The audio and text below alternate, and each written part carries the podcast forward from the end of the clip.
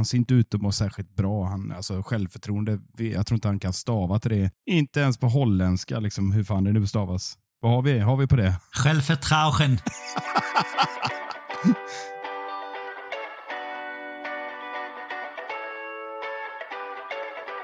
Can Manchester United score? They always score. Rooney! Oh, wonderful! It's Berbatov! Marcus Rashford! Oh, glorious! That is a special one! It's Beckham! It's a beauty!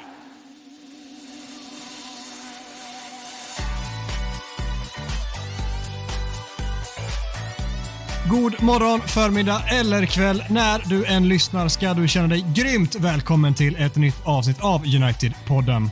Podcasten som du inte visste att du längtade efter. United-podden görs i ett sålt samarbete med både den officiella supportklubben MUS och United-redaktionen på Svenska fans. Jag, Adam Fröberg, är givetvis tillbaka tillsammans med förra veckans petade Micke Martinsson. Tänker du komma in och visa varför du ska starta framöver eller är du bara arg och vresig? Det sistnämnda stämmer bra. Jag är eh, arg och vresig, men inte av den anledningen. Det finns andra. Det finns många skäl att vara arg och vresig känner jag, men men, eh, nej, men det var fint att lyssna på er. Eh, Jag såg det inte som en petning, utan det mer... Ja, men ni vet när man har såna här, vad heter det, för ALU-anställda. Alltså nu tog vi in Gustav på, Tappade på ett alla. sånt kontrakt här förra veckan. Man får, liksom, man får unna honom det. Jävla boomer-referens för ALU. Tappa alla våra millennials. Ja, jag, är- jag, jag är inte Vad med heter det nu för tiden då? Kom loss nu. Come down with the kids nu Gustav. Ja, nej, den, den har jag inte ens. Vad är ens för? Alltså, faktiskt? Det är eh, folk som har lite svårare att ta sig in på arbetsmarknaden som får ett stöd från staten. Jag kan Ja, inte ens det förkortningen. känner jag, känner jag ingen referens till alls faktiskt. Det känner, jag får ingen igenkänningsfaktor på det alls. Sky, har gått liksom jättebra för mig i över 30 år. Så nej, där, där har de inte. Fina ödmjuka Kulle är tillbaka. Ja, jag har blivit roastad på Twitter för att jag inte är en man av folket. Så nu ska ni få, verkligen, nu ska ni inte få en man av folket heller. Då blir det så här. Ja, men du gjorde ju uppenbarligen tillräckligt bra ifrån dig i alla fall för att få nytt förtroende. Gustav, vad, vad ligger för grund för de framgångarna? Det känns bra. Nej, jag tyckte det var en ganska stabil insats. Lite skakig kanske. Man hade varit borta och man fick liksom vara i försvarsställning med en gång här. Som att ni, ni har, man, får, man blir roastad från Twitter, man blir roastad från sina så kallade vänner i podden. Så det, det är tufft faktiskt. Så jag har precis faktiskt kommit tillbaka från en eh, självförtroendesbyggande resa här hemma i Stockholm. Där man fått kärlek av vänner och familj för att liksom eh, bygga upp sig själv lite inför, inför poddinspelningarna. Lyckades du med det då? Nej, jag träffade Micke också faktiskt. så det var liksom, det var lite, det var plus, plus minus noll när man, eh, när man väl vände hem här i morse. Men det, är- det är alltid fint med Stockholm ändå faktiskt.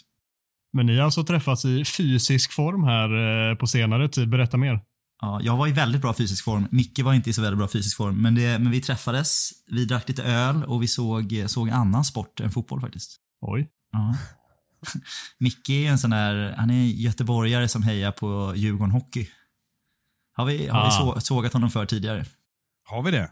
Ja, det fin- finns otroligt att han försöker också förklara det här med att så här, nej men jag tyckte att de spelade lite bra och så här. Och, det och så visar det sig ändå att han började heja på dem på slutet på 80-talet när de vann alla SM-guld. Så det är väldigt uppenbart varför du började heja på Djurgården. Men du försöker liksom få det så här, nej men lite snygga, snygga färger och, och spela lite bra hockey. Nu är det inte riktigt så, men 89, eh, 89 90, 91 vann de SM-guld. Jag började hålla på dem det första året de vann SM-guld, så att det, det är en historierevidering. går inte att köra här, Kulle. Ja, inför Men det sista, stämmer sista finalmatchen. Ja. Det stämmer att jag sen kastade pil och så blev det Blåvitt fem år senare. Så att jag får ta den smällen. Det var ju så på den tiden, det var lite vandringspokal. Men eh, då gissar jag att ni var och kollade på eh, derby, Stockholmsderbyt i hockey mot eh, AIK. ja, det är korrekt. Vi, vi kan avslöja det och eh, rätt lag vann och så vidare. Men skit i oss nu, Adam. Vad, vad händer och sker i Götet? Ja, vad händer här? Jag har jag varit på någon eh, ny guldfest i senaste? Nej, just det. Jag var på, eh, på Gais. De hävdar att de har vunnit någonting här också nu när de tog steget upp till eh, superettan som de har firat genom att storma planen, inte bara en gång utan två gånger. seriesegrar i ettan södra. Först var det ju bort i Lund som de fixade eh, avancemanget till eh, superettan och sen så var det en avslutande match här mot IFK Malmö där de stormade planen ännu en gång. Det var väl kul för Gaisarna här i Götet. Hur var det nu? Eh, Gais och Häcken och det här. Skulle de gå ihop nu igen till det här Gotia? För det känns som att det är läge nu. ja, jag, jag, kan ju tyvärr inte avslöja vad mina källor har sagt, men det är på gång såklart. ja, ser det. Vad händer? Jag har svårt att koncentrera mig. Vad händer på din näsa, Adam? Det känns som att du har nya, nya glasögon. Jag har svårt att koncentrera mig när du har dem på dig. På min näsa? Du menar så? Ja, det, är, det är såna här riktigt coola blue light-glasögon som jag har testat i typ en månad nu.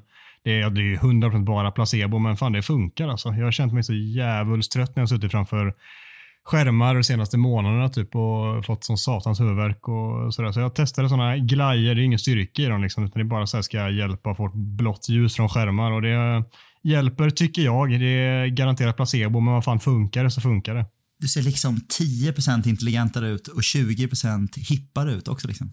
Det ser mm. ut som att du kan sätta en surdeg liksom. Och då låg jag riktigt bra till redan innan också, så ni kan ju tänka er ut i sugen hur jag ser ut nu.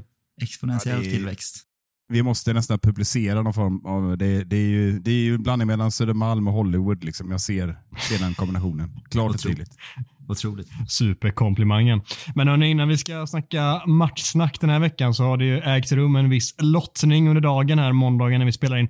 Det är Europa League 16-delsfinaler som eh, såklart är det absolut viktigaste av de här lottningarna som ägt rum och där eh, visar det sig att United får möta, inte helt oväntat, ett FC Barcelona. Visst ska det bli asgött att skicka ut fuskklubben från Katalonien, Micke? Alltså jag satt ju och jobbade in det, så jag missade. Ja, satt i bilen som sagt, så fick jag besked i vår fina WhatsApp-grupp att det blev eh, Barca. Och för mig känns det bara bra. Alltså, det är ju helt underbart att möta den här monopolklubben som har eh, köpt alla gator och, och, intecknat dem och sen intecknat upp dem och så att de har sju centrum och åtta Norrmalmstorg i laguppställningen. Så de har ingen, inte gå, inga stationer, ingenting. Ja, det, är lite, det är lite speciellt. Ja, men jag, jag älskar att möta Barcelona för jag har alltid avskytt den klubben. Jag vet inte varför jag gjort det, men så är det bara. Ja. Nej, men lottning och lottning, det känns väl, luktar väl varma bollar hela vägen till, eh, till Mölndal känner jag. Det är verkligen eh, det var inte otippat alls att vi, fick, att vi drog Barca känner jag. Vi har det. Det måste, avgjordes lottningen eh, hos, eh, i Visby där hos Tommy Wahlgren. Boll nummer 47. Så gammal var jag träffade min fru. Det är likt va? Starkt ändå. mycket boomers-referenser nu. Nu kör du bara liksom 50-talisterna. Ja. De måste också andas eh, frisk höstluft ibland. Ja, ja så är det faktiskt. Men det var någon som eh, kommenterade och vi ska inte sitta här och sprida konspirationsteorier så det är klart att vi gör det då. Eh, det var någon som skrev det att bara, alltså endast när Barcelona dragit upp så när han som drog bollen, jag kommer inte ihåg vem det var, men det är verkligen skitsamma. Så enda gången som man tittade på bollen samtidigt som man tog en boll var när Uniteds boll drogs upp. I övrigt så var det titta åt alla andra håll, men bara då så var det glo, alltså den stirra ner i skålen med bollarna. Var det han Infantilo? Eller vad, vad heter han? Infantino, nej det var inte han. Men ni fattar inte referensen där? Han är väl nej, det var jättetråkigt. Nej, men allvarligt eh, skojat då. Vi har eh, ett Barcelona vi ska möta här nu och sen insåg jag att det kommer vara efter VM när typ 200 spelare i United är skadade och sen framförallt så saknas ju Lisandro Martinez i det första mötet borta mot Barcelona för att han eh, fick ett gult kort mot Real Sociedad senast. Det är kanske, som jag skrev på Twitter, det blir väl 0-0 borta och så kör vi över dem med 3-0 hemma istället. Ja, låt oss hoppas det. Låt oss hoppas det. Det känns som att det kanske kan hända lite i bägge trupperna här eh, fram tills februari. Så vi får se vilka lag det är som står på banan här. Kanske har en ny nummer nio kanske. Hade varit trevligt. Ja, och så ställer vi upp med Phil Jones och Maguire där bak. Jag hade tagit Phil Jones alla dagar i veckan alltså. Aha. Ja, det, det längtar vi till helt enkelt. Det var ju själva fan, men här sitter vi efter en förlust igen. Det var ett tag sedan förvisso, men inte blir vi särskilt glada för det. 1-3 mot Aston Villa som fick den där ny tränare-effekten. Hur frustrerande var det egentligen att följa den här matchen, Gustav?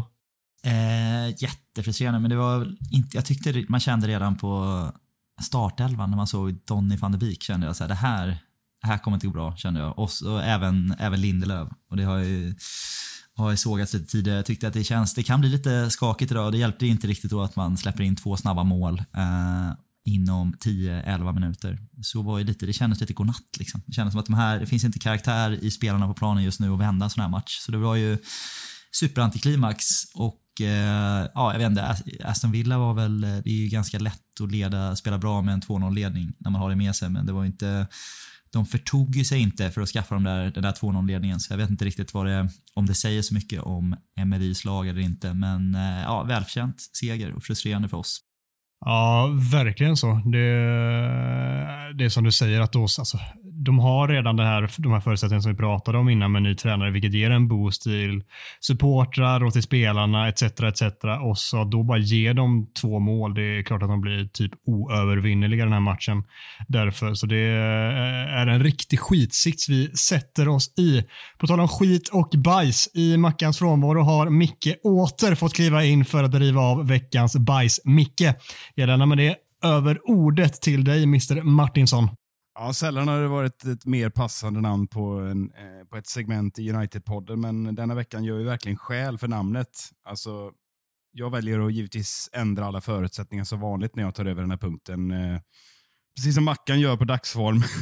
Han kommer alltid på det under tiden, men här har vi förberett ska ni veta. Eh, så märk väl, veckans Spice delar alltså inte ut några dagens ros eh, efter en så pass usel insats, utan jag har istället förberett hela tre spelare som behöver höja sig i, på olika sätt, på olika nivåer. Är det, känns det som ett okej okay upplägg? Tre stycken? Du har inte en enda som du kan ge eh, någon form av positiv betygssättning till? Ja, det avslutar jag med väldigt kort sen, men tre bajsmackor börjar vi med ja, det, det är godkänt. Kör. Bra. Eh, i, eh, jag har faktiskt varit och, och rankat de här. Ni, ni kommer säkert ha åsikter om detta, men eh, jag skiter i det och kör min ranking. På plats nummer tre då alltså. Inte den värsta syndan i det här gänget, men eh, där har jag satt eh, kaptenen för dagen, Ronaldo.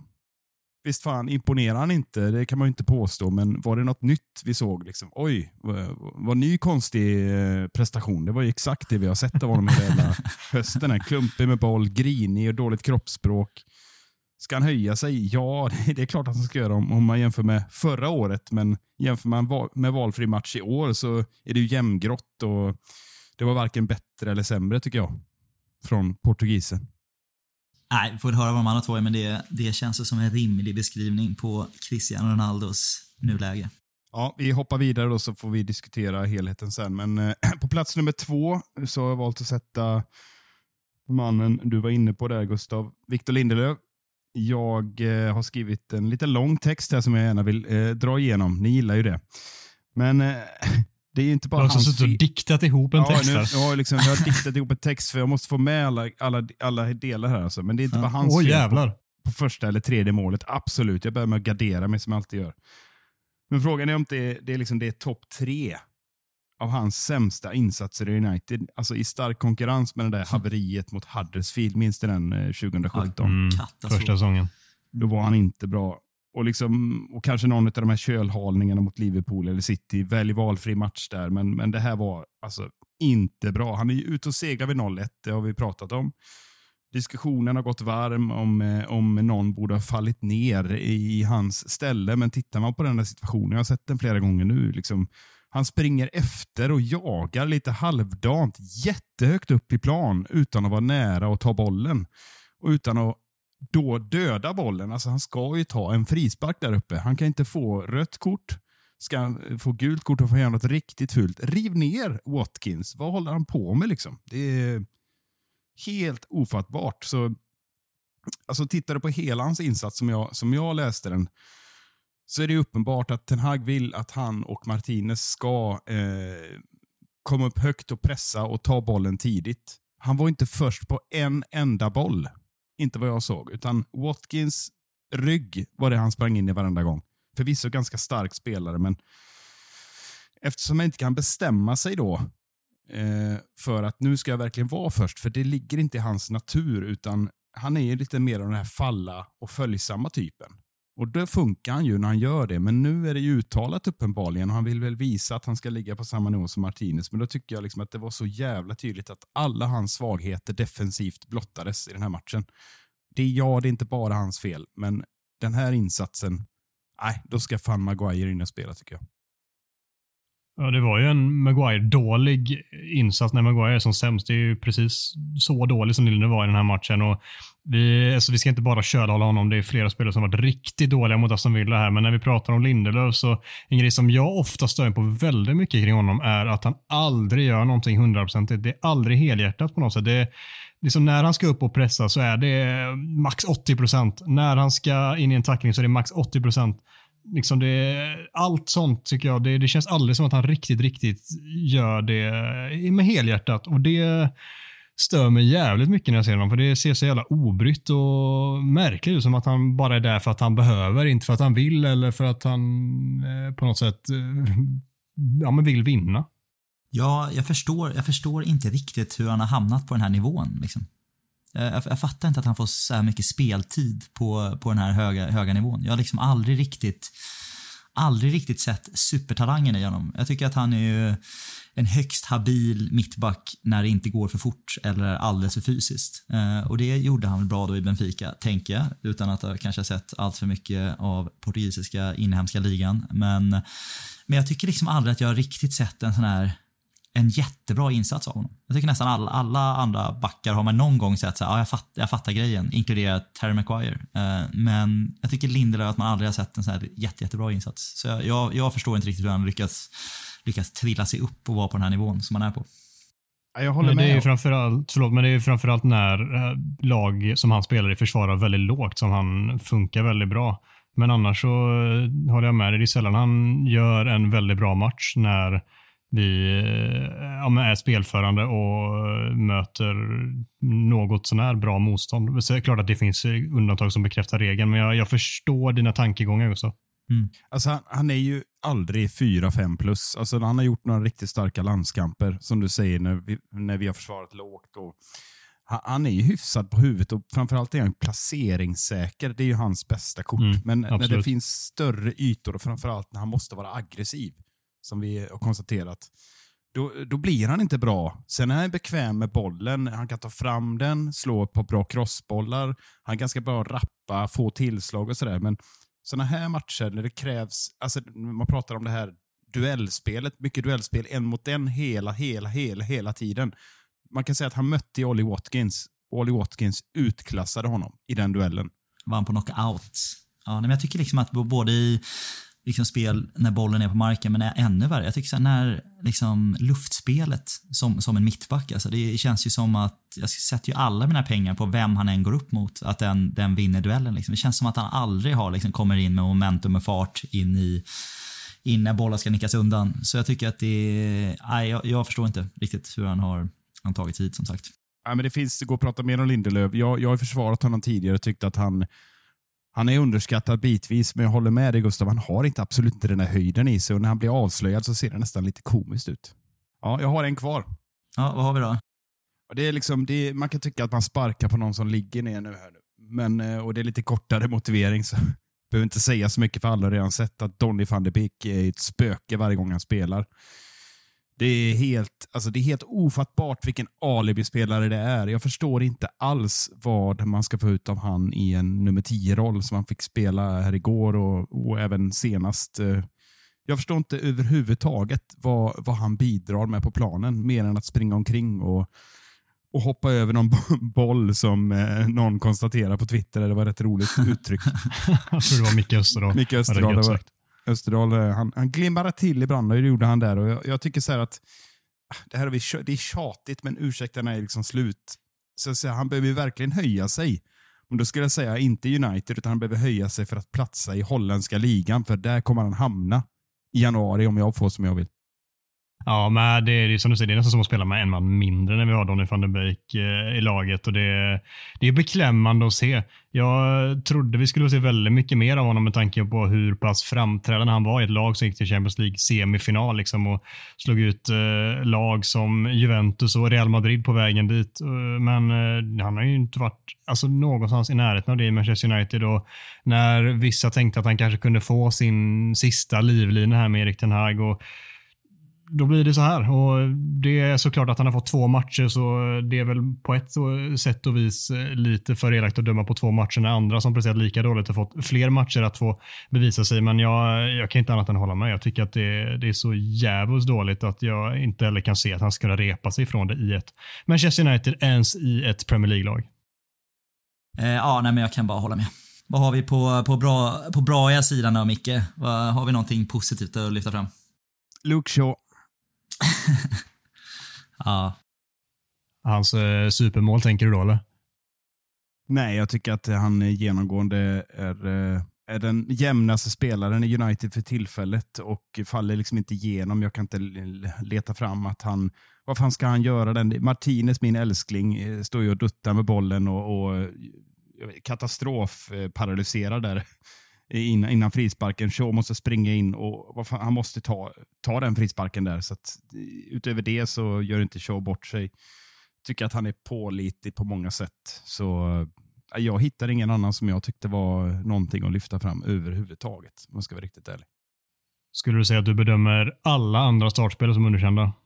Inte underkända, men eh, alltså verkligen. De Gea, vad ska han göra på målen? Jo, frispark, muren står långt bak. Vi kanske ska diskutera det, absolut. Men eh, ja, och i övrigt, Dalot är väl inte, ingen, är väl inte katastrofal usel heller, men ingen är särskilt bra och det handlar lite om det vi nämner i början här. att vad är inställningen? Vad, oh, vi är trötta och vi har roterat för lite som vi kommer komma in på här. Absolut, men nej, jag tycker Shaw visar lite vägen och står upp när det blåser lite grann, men tyvärr var inte fler på den nivån och då, då blir det så mot Aston Villa.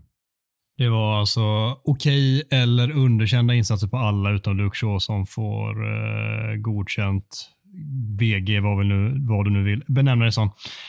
Det låter fair enligt mig. Det som jag skulle vilja diskutera lite grann, vi pratar om Lindelöf, vi pratar om Ronaldo, jag vet inte riktigt vad vi ska gå vidare egentligen kring dem, men framförallt tycker jag att det är jävligt tydligt att vi saknar Antoni. Det håller jag helt med om. Jag tycker att han är, det här, är, det här skulle jag kunna göra ett stort, stort uppslag på. Jag brukar inte gilla den här typen av spelare och framförallt inte när man spenderar mycket, mycket pengar på, på irrationella yttrar. Men jag tycker verkligen att Antoni har, har visat alltså, otroligt bra lagspelare. Liksom. Vik vikten av han i sitt positionsspel och i försvarsspelet och intensiteten som han har. Eh, och Även om det är lite cirkuskonster ibland så tycker jag han är ju liksom, han drar ju på sig markeringar. Han, han har ju respekt hos försvararen nu så jag tycker att det är, han har han har varit en jättebra värvning hittills, så det syns, syns väldigt mycket när det är Rashford som utgår från högerkanten istället. Det är en stor skillnad. Så det håller jag med om. Ja, ja, Rashford blir så jävla begränsad på högerkanten. Om jag tidigare dragit till lands för att han skulle kunna funka där i vissa matcher så mot Aston Villa gör han ju uppenbarligen inte det. Och framförallt tycker jag det är grejen det som du säger att Anthony är så jävla bra på att dra på sig spelare vilket drar ut hela motståndarlaget på ett sätt som gynnar även då andra kanten vilket har varit en stor del i att Rashford har varit så bra den här säsongen också. Både som anfallare och från vänsterkanten. För det har varit ett stort problem tidigare säsonger att vi inte haft någon renodlad, väldigt bra högerytter, vilket har gjort att lagen som vi möter nästan bara kan packa över på vår vänsterkant och skita i den kanten. Och lite så blir det mot Aston Villa också, för att vi har inget hot på den kanten och plötsligt så blir vi marginaliserade över hela banan. Så Anton är helt plötsligt en jävla nyckel för oss i, i, offensiv, eh, i offensiv väg.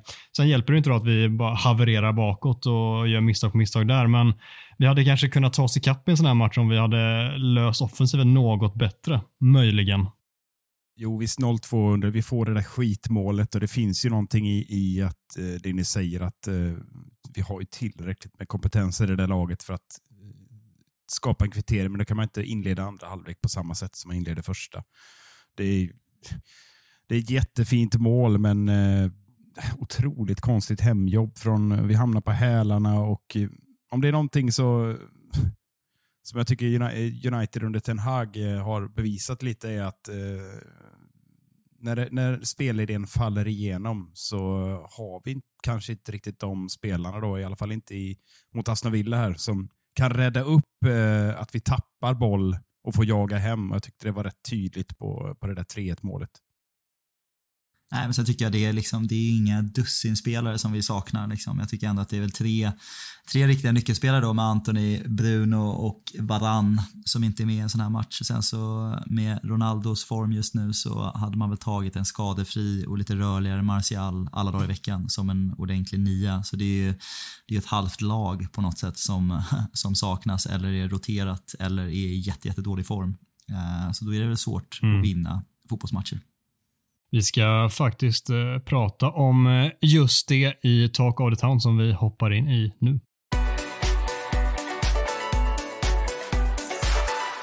Succésegmentet Talk of the Town är tillbaka med fem stycken påståenden med aktuella ämnen som vi helt enkelt diskuterar huruvida det är sant eller inte. Veckans första låter så här. Truppen matchas för hårt och det straffar sig nu när spelarna är slitna. Ten Hag roterar inte tillräckligt mycket. Vad tycker du Gustav?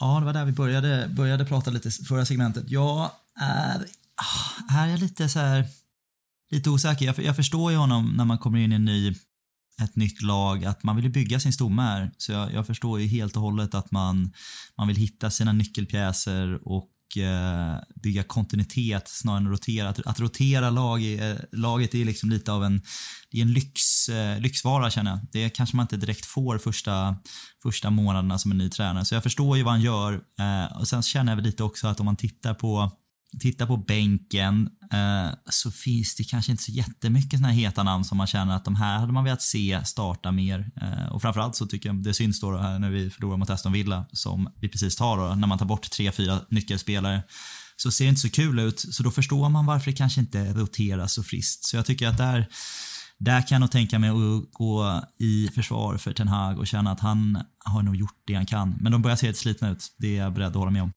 Jag håller verkligen med dig helt och hållet där. Jag har sett att många har varit frustrerade på rotationen den senaste. Att det, har, eh, att det är därför det ser ut som det gör mot Aston Villa. Och det är förmodligen en delförklaring också, för spelarna är jävligt trötta och slitna. Och det, det är klart att det påverkar. Det är ju ingen eh, raketforskning som krävs för att lista ut det. Men eh, jag har verkligen förståelse för Tanaga att han har valt den vägen han har gjort med av anledningen som du nämner att han behöver sätta en stomme och att alternativen har varit sådär. Sen tidigare under säsongen eh, så har det funnits perioder där man kunnat byta ut någon spelare här och var, absolut, men frågan är hur mycket skillnad det hade gjort här och nu. Det är inte så att det är en jävla massa spelare under flera matcher, utan det är enstaka matcher här och var där man tänker att hm, borde inte Casemiro vilat den här matchen eller borde inte eh, Antoni vilat den här matchen eller vem det nu handlar om. Eriksen kanske framförallt är väl den som jag tycker kanske påverkas mest av det här. Så visst, absolut, ibland några, lite grann, men jag tycker att det är för lite att komma med för att eh, kritisera det särskilt hårt. Men jag kan ju förstå varför, alltså varför det finns en kritik här och det är lätt att stämma in i klagosången. Jag gör det också till viss del.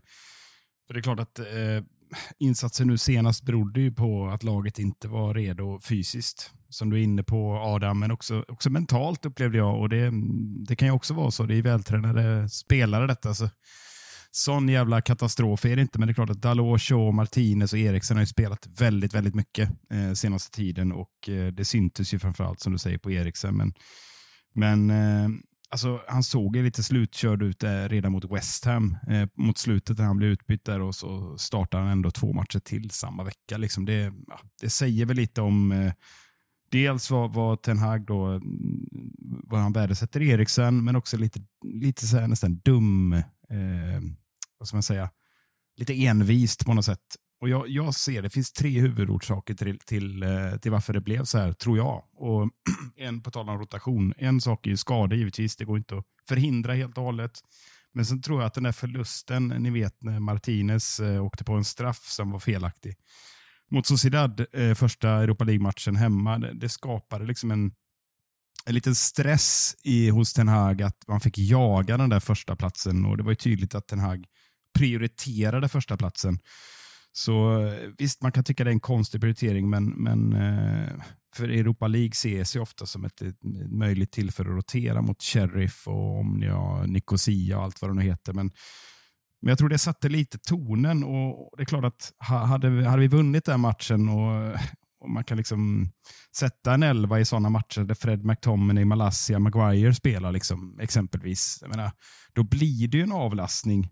Men nu valde han ju att gå stenhårt då för den här första platsen och jag tror inte att om, om låt säga att vi hade vaskat de här matcherna och ställt upp med de här spelarna jag pratade om, alltså nu, de andra matcherna, så kanske vi inte hade varit ett mål ifrån första platsen. Men vi hade ju lätt gått till slutspel tror jag. Så med facit i hand så skulle jag ändå säga att lite dumdristigt och nu får eh, Ten Hag skörda det, den, det valet. Ja, nej, men det, där, det där hoppar jag verkligen på sista där. Jag tycker att, nej, jag, jag tycker att vi ska ju klara oss och rotera igenom Europa League till att, att ta den där andra platsen eller konkurrera lika väl om en första plats med Sociedad eh, ändå. Jag tycker har man förlorat hemma mot Sociedad i första matchen så får man nästan när man vet att man har moldaviskt och Cypers motstånd i, i gruppen får man nästan vaska första platsen och inse att vi kommer nog inte lösa den. Liksom, vilket vi, trots, trots att vi slår Sociedad borta nu så räcker ju inte det för första platsen. Så eh, jag tycker absolut att man borde ha roterat betydligt mer i eh, dubbelmötena på Cypern och Moldavien och hemma i Manchester. Så eh, nej, där tog han inte chansen.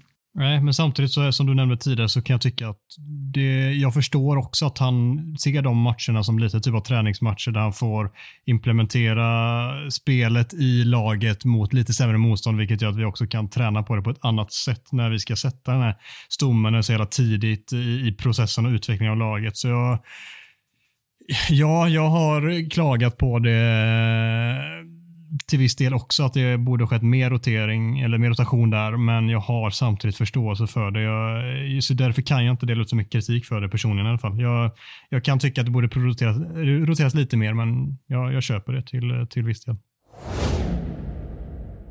Från avstängd till kapten. Det måste vara beslut ovanför Ten Hags huvud som ger Ronaldo sin nuvarande roll i laget. Och innan vi diskuterar det sistnämnda i sig så måste vi ändå diskutera lite grann bara själva grejen att han är klappusel, att han får fortsätta starta i varje match, att han har dragit på sig fler frisparkar, haft skott på mål i Premier League den här säsongen och att eh, han dessutom efter allting han har sysslat med den här säsongen, inför säsongen och under säsongen, så bär han plötsligt binden också. Det, eh, jag har sett att det har rasat en del över det och jag stämmer in i det. Ja, alltså, snacka om piska och morot liksom, eh, blandat i en jävla tombola. Alltså, jag påminner lite om, om den här behandlingen eh, av Paul Pogba, ni minns. Det var också lite kapten eh, ena veckan och härförare och skulle liksom eh, styra lagets offensiv eh, och sen satt han som en utskälld bänkad influencer på läktaren eh, nästa match. Liksom det, det är lite den, den soppan och lite samma typ av ego, fast det här är väl någon resa värre till och med kanske. Men alltså, det här rimmar inte alls med den bilden jag har fått av Ten Hag. Alltså, eh, ge bilden till de Gea så hade vi inte ens... Han köper sig, han liksom lastar på sig mer problem med det här och då jag kan inget annat än att instämma i den här kritiken. Jag tycker det är ett jättekonstigt val. Det sänder, det sänder det är som att ge barnen lördagsgodis på onsdagar helt plötsligt. Nu är det okej okay idag. Och sen nästa gång får du inget godis på lördag. Liksom. Vad är det som pågår? De Gea, Rashford, fan det finns tio spelare i den startelvan som ska ha före Ronaldo i det här fallet. Ja, han har ju absolut bråkat bort sig från att ska få bära binden i år när man har betett sig så som man har gjort i dubbla svängar både innan säsongen och under säsongen. Så det är ja, jättemärkligt. Den andra kritik, Ronaldo-kritiken har vi ju pratat om i varje avsnitt här tror jag i 20 veckor i rad så jag tänker vi behöver inte gå in så mycket på hans prestationer. men eh, nej, men jag tror absolut samsyn på att det är klart han inte ska ha en kaptensbindel. Eh, sen så håller jag kanske inte riktigt med om att det finns jättemycket naturliga ledare som borde ha den istället, men eh, Ronaldo borde ändå vara sist på den just nu. Ja, en Ronaldo, en Ronaldo liksom i normal vigör och liksom tar bort egentligen det här beteendet. Hade han fortsatt ösa in mål så är det klart att det finns mycket erfarenhet där. Men sen finns det ju de som tycker att han har tveksam moral och eh, på, på alla möjliga sätt är tveksam. Men med tanke på hans beteende, det blir så konstigt bara. Det blir så otroligt märkligt av Ten Hag. Så, sen köper jag kanske inte, jag tror inte på konspirationsteorier sådär till vardags. Och, eh, det känns ju som vem fan skulle säga åt honom att sätta den på Ronaldos arm?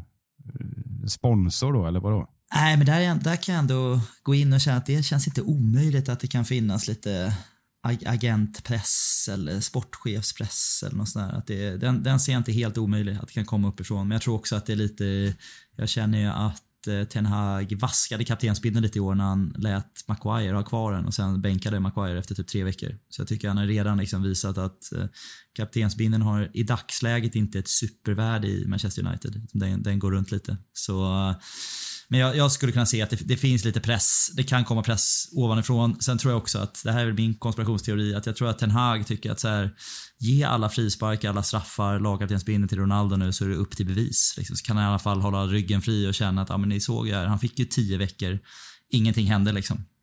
Så det är inte, det är inte mitt fel liksom. Uh, så jag tror lite tror jag att han känner att att det är lite upp till bevis och det är därför han får 90 minuter här eh, lite oftare än vad han kanske ska. Sen finns det ju inte jättemycket nior att byta in istället heller då. Men jag tror att Ten Hag är lite, lite på det, den inställningen nu att bara säga nej men jag, jag kommer köra honom fullt ut nu. Det är riktigt så här Ronaldo, han får, han får allt, allt utrymme men sen så är det upp till bevis och det har han ju verkligen inte tagit i dagsläget i alla fall. Är det värt att försumma lagets chanser för att liksom bevisa någon poäng mot folk som eh, tycker att Ronaldo borde spela? Det låter ju galet liksom. Men... Men det finns ju typ ingenting liksom. Det är ju liksom en, en Martial med liksom sina jävla ljumskar. Nej, men visst, det, det, det, finns ju förklaringar och liksom förmildra, förmin, förmildrande omständigheter till att det ser ut som det gör, men eh, jag kan fan inte greppa det ändå. Alltså det, eh, det är oförståeligt och då sitter man här liksom och letar förklaringar till varför det faktiskt är som det är. Och eh, då landar man i, finns det en, liksom, på något sätt någon ovanför som säger att rök fredspipa med Ronaldo nu så att vi kan avsluta det på ett snyggt sätt så det inte behöver liksom kretsa kring honom resten av den här hösten och möjligen även under våren. Lös det på något sätt och det tycker jag ändå att han har gjort. Fan, han, han visar vilken jävla alfa han är också på det sättet när han sätter ut honom åt sidan. Han markerar ordentligt. Men sen så förstör han lite det nu genom att ge binden och det, det stör jag mig som fan på. Liksom. Han hade gjort det, han hade skött det perfekt och sen så kommer binden där från ingenstans. Så här, jag tycker att han inte borde starta liksom för den delen, men det går ju att acceptera mer. Men binden, det, det stör mig fan mer än vad det kanske borde göra. Jag vill, jag vill tänka som du Gustav, men jag, jag, jag tycker fan det här får Ten Hag ta på sig, precis som förlusten och, och roteringen vi är inne på. Han är lite på minus på, min, på mitt konto just nu tycker jag. Det, Visst, ge, ge honom chansen. Jag menar, det är ingen 22-åring som är lovande behöver växa in i det. Det är, det är Ronaldo som ska bara leverera nu. Det, ja, det, jag tycker det är konstigt agerat. Och det, vi får se vem, vem som får rätt. Men när Bruno är tillbaka så är ju han kapten. Det är ju inget snack om saken. Vi kanske inte behöver se binden på Ronaldo när de är igång. Donny van der Beek är det sämsta nyförvärvet sedan Alexis Sanchez. Det är dags att han lämnar i januari. Och vi har redan diskuterat honom lite så vi kan ju ta den här ganska kort. Jag eh, håller med helt och hållet att han ska lämna i januari. Det som han visar är inte ens i närheten av nog. Då kan vi eh, hitta en yngre förmåga i akademin som kan göra det åtminstone minst lika bra och vi kan förmodligen hitta någon i någon annan klubb som vi kan plocka in för någon OK-slant som gör det bättre än så. Sen om han är det sämsta sedan Alexis Sanchez, det har jag inte hunnit reflektera över än, men det är han säkert.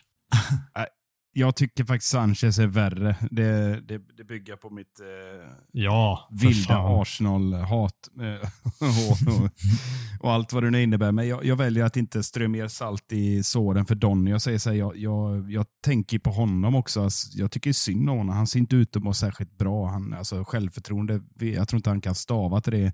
Inte ens på holländska, liksom, hur fan det nu stavas. Vad har vi, har vi på det? Självförtrogen. Självklart heter det så. Nej, ja, men det är fan synd om Donny. Ge han, eh, ge han sin fotbollskarriär tillbaka, men bara den inte är i Manchester United. Kul men inte här. Ja, nej, men jag förstår, men det här var en av mina säsongsprofetier, var inte det? Att eh, Donny ska spela i eh, Inter innan, innan säsongen är slut.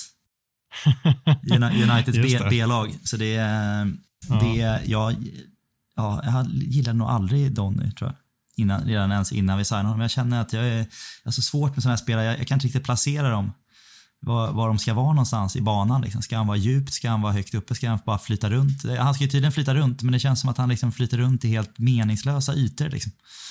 Jag vet inte, jag tycker att det är hopplöst att titta på honom. Om man ska, om man ska dra en försvarslans för honom så kan vi konstatera att han har inte fått mycket speltid. Alltså. Det här pratade vi om, eh, det var kanske inför säsongen då han hade någon sån här, innan han blev utlånad, om han hade spelat, hade han varit involverad i typ ja, tio matcher och spelat typ 100 minuter eller något sånt Alltså typ i snitt att han hade spelat, eller om det var ännu mindre, alltså i snitt fem minuter per match eller någonting. Uh, så det, det händer inte så mycket. Och även i år tror jag att han har spelat, jag kollade snabbt nu bara, han har spelat fyra, eller varit med i fyra matcher och spelat 80 minuter.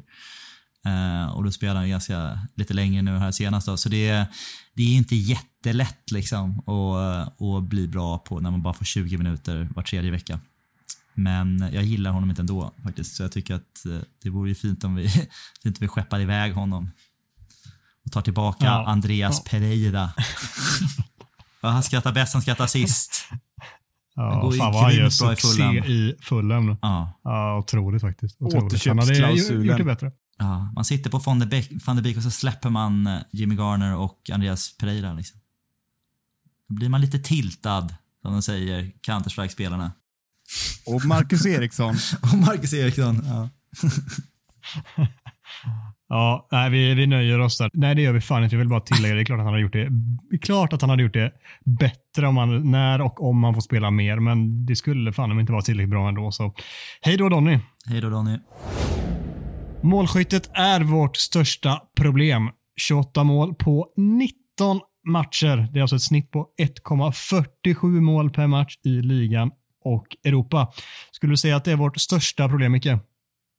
Ja, alltså tittar man på den här katastrofsäsongen i fjol, nu, nu kollar jag inte upp eh, Europa där målsnittet låg där, men det var 1,5 i ligan, alltså högre.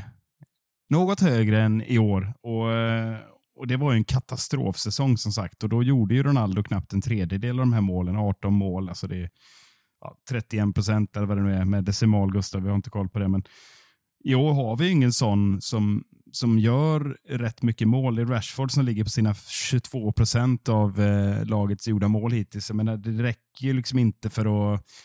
Vi har ju ingen leading striker och jag vet att eh, det finns många som är inne på att det går att sprida ut målskyttet. Eh, några i den här podden har varit inne på det, men, men med tanke på hur det sett ut hittills så känner inte jag mig särskilt trygg med att vi organiskt liksom skramlar ihop till ja, just nu tyder ju inte på att vi kommer göra särskilt mycket fler mål än förra, förra året. Eh, om det fortsätter exakt så här. Liksom med, med, med en usel Ronaldo och med en ska, halvskadad Martial och Rashford ska liksom lösa det för oss. Det, nej, ja, det är klart som fan att det är ett stort problem det här. Och framförallt är det oroande med tanke på hur dåligt det var förra året att vi så pass många matcher in fortfarande haltar här. Liksom. Jag sitter och funderar på om det är vårt största problem eller inte, men det kanske det fan med är. För vad är viktigt om något i fotboll än att göra mål? Liksom? Det finns det något viktigare? Nej, klart det inte gör. Jag skulle säga att det är ett andra, andra derivat av vårt, vårt allra viktigaste problem och det är att vi inte skapar chanser. Liksom. Jag tycker att det, det går att ha, ha lite lågt målsnitt under en period om man skapar chanser och om man tycker att det är bara för att Ronaldo missar screamers varje vecka. För det, det där kommer jämna ut sig på, på en hel säsong. Men jag tycker inte riktigt att vi skapar skapar chanser naturligt så mycket som vi borde göra. Eh, och Det oroar mig mer än att själva end product. För end product brukar komma. Men eh, det är, ju, det är katastrofsiffror och det saknas ju en, en nia så det bara skriker om det. Men jag tycker också att det är jag har sagt det tidigare, jättebesviken på spelare som Jadon Sancho som liksom ska ju ta kliv i sån här, sån här trupp. Eh, Rashford vet vi har varit lite urslag, är väl marginellt lite bättre nu men det känns ju inte som den topp Rashford som den har varit. Ja men det, är, men det är också för att han var så jävla dålig. så det är liksom Absolut. Ett, liksom... Han är ju en helt annan spelare än typ förra året. Men ja, ja det är verkligen. Men det är så katastrofalt dåligt. Men han är ju inte lika bra som han var peak Rashford för vad det nu är, tre år sedan, två, två och ett halvt år sedan. Eh, och där är han liksom en bit ifrån. Jadon Sancho är ett jävla spöke tycker jag. Eh, och även Brunos liksom end product har ju varit, jag vet inte, han det är nog också en jävla form. Det känns som att hans, han liksom hade en jävla YouTube compilation med hur jävla mycket mål han gjorde. När det, jag kan inte komma ihåg senast han drog in en eh, jävla stänkare för United. Liksom. Det känns som att det är fler som är liksom amerikansk fotbolls field goals från, från Bruno Fernandes. Uh, Tottenham senast är det mål. Det är drog kanske, det är sant. Det, det sker ju för sällan. Men det är för sällan med den typen av spelare som ändå, jag kommer inte ihåg vad han gjorde, men hade han inte typ så 26 mål och 26 assist eller någonting i Sporting Lissabon? Typ. Eller något så här. Han hade väl några, ett par säsonger, det var extrem jävla mm. end product. Så jag tycker... Ja, att, även när han kom till oss i början var det ju så. Och så var det, det första säsongen. Det, det, är synd. Så det finns ju där och det saknas jättemycket. Men jag tycker att vi, vi skapar alldeles för dåliga chanser och det är inte bara vår nummer nio, men det är framförallt från, från kanterna. Lite bättre med Antoni nu, men när vi möter lag som är som försvarar lågt tycker jag att det finns ingen supertydlig spelidé hur vi ska bryta ner dem som man ser våra lite bättre konkurrenter eh, bryta ner sina motståndare. Man får liksom inte ge dem bollen utanför straffområdet så länge. United kan bolla runt där utanför straffområdet. Det är ganska ofarligt. Liksom. Och det är vårt största problem tycker jag. Eh, men målskyttet är ett derivat av det, så det, det är ett problem också du nämner Bruno där. Jag tycker det, det, är en nyckel. Jag tycker han ändå är, han får mycket skit. Han är ändå den, den genomgående bästa offensiva spelaren tillsammans med Rashford i år tycker jag. Han skapar mycket, han, han kommer till lägen, han tar mycket avslut, men det är ju inte alls samma kyla. Han, han känns stressad. Och det liksom Bruno känns lite nyckeln. Vi ser att Eriksen fixar inte riktigt att dra det själv. Eh, det, det tåget, liksom, eh, det är Bruno som ska servera, men då ska det finnas någon att servera också. Så det, det är nian och det är liksom att Bruno är lite stressad och det är, det är många som har vill, vill ha det till att Ronaldo har förstört eh, spacen för, för eh, Bruno. Han har fått den frågan flera gånger i de här intervjuerna, postmatchintervjuerna. Han står där med BT Sports eller med, med Sky Sports liksom, och att man diskuterar det. Men jag tycker det, det sitter mycket hos Bruno också. Han känner, han känner sig rätt stressad att han inte bidrar tror jag. Och det, det, det, det gör ju att han skjuter. Ju, alltså, hans avslut är ju långt, långt under hans normala nivå. Det här med att skapa chanser tycker jag är intressant, för jag tycker att vi såklart inte fulländade det på något sätt, men jag tycker också att vi skapar nog mer målchanser än vad det känns som att du tycker Gustav. Jag tycker att vi skapar i alla fall tillräckligt för att göra betydligt fler mål, men att vi, vi bränner en hel del lägen också. Eh, sen är det klart att man både vill skapa mer chanser än vad vi gör och också vara mer klinisk framför mål, men jag tror fan att det är hade vi bara haft någon som kunde göra lite mer mål där framme som var något mer klinisk så tror jag att jag hade på något sätt bara kuggat i betydligt bättre därifrån också. Det, frågan är vad, så här, vad hönan och vad ägget såklart, men jag, jag tror att eh, det är det, det största problemet faktiskt just nu. Ja, kanske. Vi hade gjort tio mål mer med Håland istället för Ronaldo i den rollen. Det, det tror jag ändå. Ja, det är jo, minst. Ja. ja, och vi hade kanske gjort typ 20 mål mer med Martial i den rollen så, så måste det vara i så fall. Det är bra. fråga Marcus. Logik, Nej, gammalt. Men ja. eh, kanske fem i alla fall då. Vi, vi hade gjort fler mål med Martial redan, det är helt övertygad om. Och det är jävligt synd att han har eh, sina skadeproblem. Vi får mm. se om det blir han eller någon annan anfallare som värvas som ska in och lösa det. Men Ronaldo verkar ju absolut inte vara svaret åtminstone. Nej. Ten Hags matchcoachning är sämre än Oles. Vem har slängt in den här? Den här gör mig fan typ arg. jag, jag har slängt in den, så jag kan väl resonera lite grann kring det då. Varsågod. Ja, men utgår man från Oles första halva av sin sejour, då är vi lite snälla va? Och Då skulle jag svara ja, på, då skulle jag svara ja på den frågan. Eh, vi vände en jävla massa matcher och kom ibland tillbaka liksom osannolikt bra i matcherna. Och då kan man ju tycka då, ena, och, å andra sidan liksom att, eh, att eh, Ole hade ingen grundtaktik och fick därför liksom förlita sig på de här eh, reaktioner av spetsspelarna som, som vi alla satt och, och matade varje vecka, liksom att vi var så beroende av, av spetsspelarna. Ja, jo. Men å andra sidan så fick det ofta effekt eh, från, en, från en usel nivå. Ten Hag då, han har ju en tydlig spelidé som vi har sett, att det finns ju någonting. United är på rätt väg, det har vi många liksom noterat och konstaterat flera gånger om. Och han håller på att implementera den här modellen, den nya spelidén. Liksom, och, och I den så ingår ju de här olika plan B, eh, C och D som han lanserade här. Till exempel den här galna 3-3-4 formationsforceringen som han tillämpade sista 35 mot Sociedad. Men jag skulle säga att det är för tidigt att dra den här slutsatsen att, att, eh, att, att hans matchcoachning inte är tillräckligt bra. Eh, med tanke på att han så envist vill hamra in sin spelmodell. Men jag, som jag nämnde lite tidigare, jag tycker det finns svagheter och det behöver inte bara nödvändigtvis bero på Ten Hag, utan det kan bero på att spelarna inte klarar av att spela det det spelsystem helt enkelt han, eh, han gör och sen som vi resonerade också om tidigare i avsnittet att det är lite tunt när han vänder sig om på bänken och det är lite skador och sådär. Då finns det inte så mycket att slänga in och då kanske det är svårt att vara en bra matchcoach. Jag vet inte. Så att eh, jag skulle väl svara, jag underkänner det här så jag svarar varken ja eller nej på det här påståendet. Ditt eget påstående också, otroligt. Ja. ja, jag, jag håller med dig mångt och mycket där. Jag tycker nästan att cirkeln är sluten på vår diskussion tidigare med rotation också. Jag tycker det finns lite samma argument att föra här, att en, en ny tränare. Det är lite mycket begärt att han ska försöka få in tre, tre starka spelsystem här på, på två, tre månader också. Utom om man tittar på det det slag som truppen var i när han tog över dem så vi behöver ett. Liksom. Vi behöver sätta ett försvarsspel och det har vi väl typ gjort nu då. Eller gjorde i alla fall då när vi hade fyra, fyra pjäser.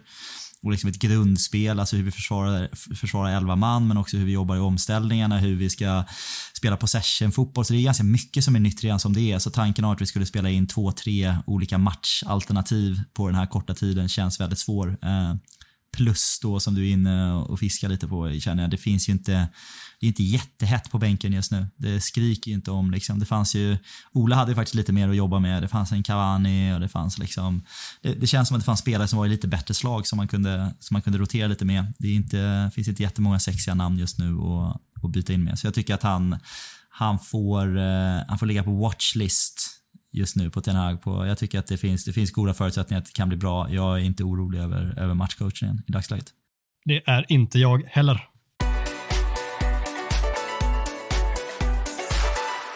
Nästa match spelas återigen mot Aston Villa. Den här gången på hemmaplan och i ligacupen. Avspark på torsdag klockan 21.00 och vi ska inte orda om den här drabbningen allt för mycket.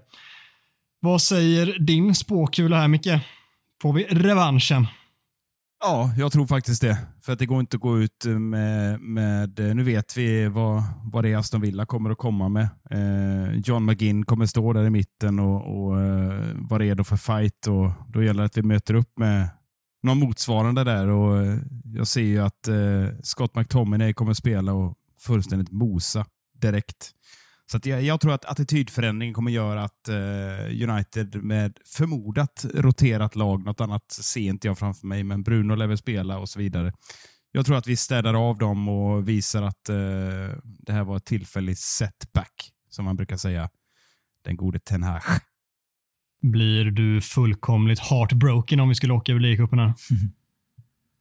Gustav ser lite ledsen ut, jag. men jag, jag, bryr, jag vaskar gärna den jävla skitkuppen. Ja, en titel är en titel tycker jag. Så det, det ska man inte kasta bort i onödan.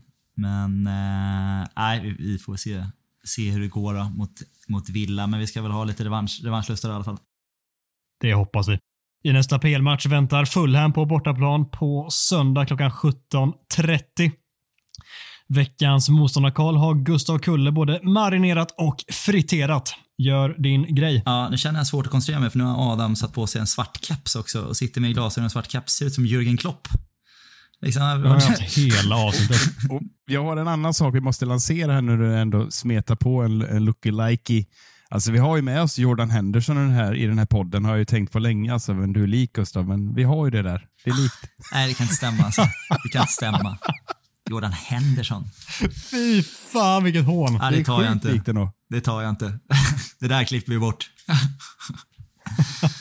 Jordan Henderson. Nej, kommer helt av med här faktiskt. Men okej, vi, vi, vi låtsas som vi inte hörde det. Snackar vi, snackar vi motståndarkollen Fulham istället. Sista matchen innan VM-uppehållet. Eh, och sen så ska vi på träningsturné. Vart då grabbar? Under VM. Vad ska vi spela matcher då någonstans? Har du koll på det? Område där jag brukar befinna mig, Andalusien. Spanien va? Ja, Cadiz i södra Spanien och eh, Betis i Sevilla va? Jag tror att vi har träningsmatcher mot dem. Men innan dess så ska Fulham städas av, så fint som det heter va.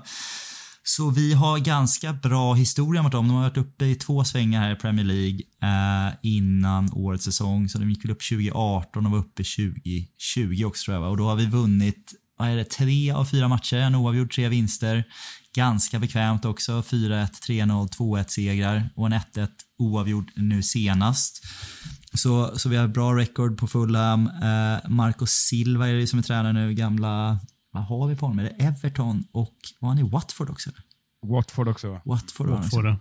Precis, som tog över efter Scott Parker va? när han lämnade för, här ska jag kunna, över Bournemouth.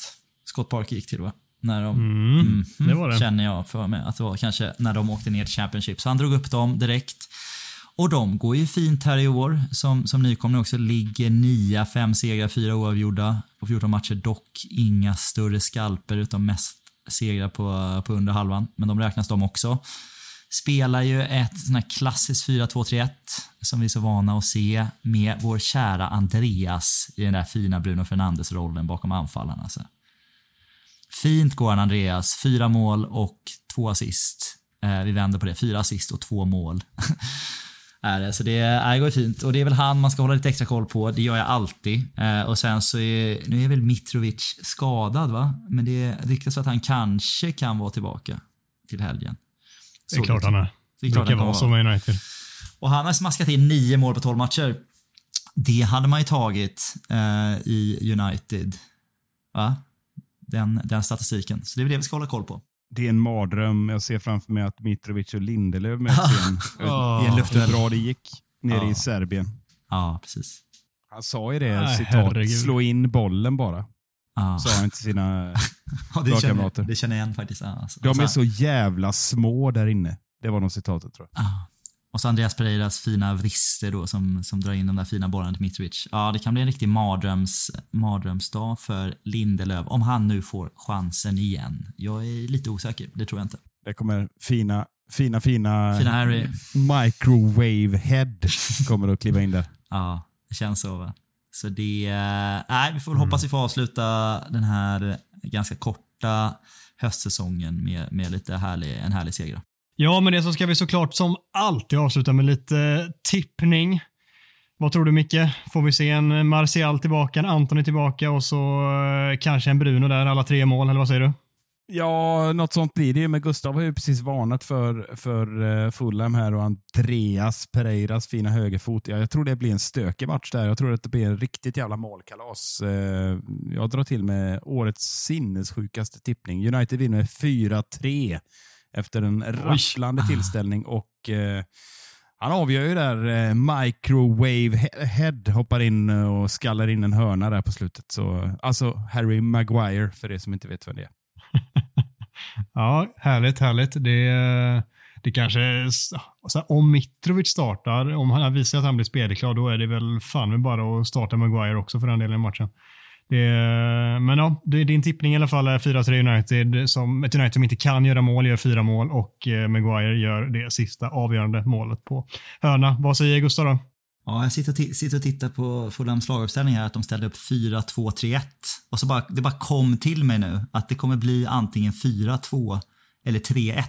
De här bara siffrorna skrek till mig nu liksom. Så jag känner, lasta in alla era pengar på antingen 4-2 eller 3-1. Ja, du får ju välja ett av dem själv då. Ja, Jag hade, inte, ja, jag hade inte ens valt vilket lag som skulle vinna med 4-2-3-1. Men då tänker jag, då kör vi, kör vi på volley nu. då. Tänker jag att vi vinner då med, med, med 3-1 då. ja, så gött. Jag tror att vi tar en sån här eh, 1-0 igen som vi alltid gör nu för tiden. Det är Rashford som avgör såklart. Det är det enda tipset jag någonsin kommer ge er. Och inte fan ska Ronaldo starta och inte fan ska han ha binden heller. Det vill jag också vara jävligt tydlig med. Med det sagt så knyter vi ihop säcken för den här veckan. Vi tackar Gustav Kulle, vi tackar Mikael Martinsson och vi tackar självklart alla lyssnare som alltid är med oss. Tusen tack för det. Glöm inte att följa oss på sociala medier. Fortsätt att skicka in lite goa ämnesförslag till varje avsnitt så hörs vi igen nästa vecka. Ta hand om er.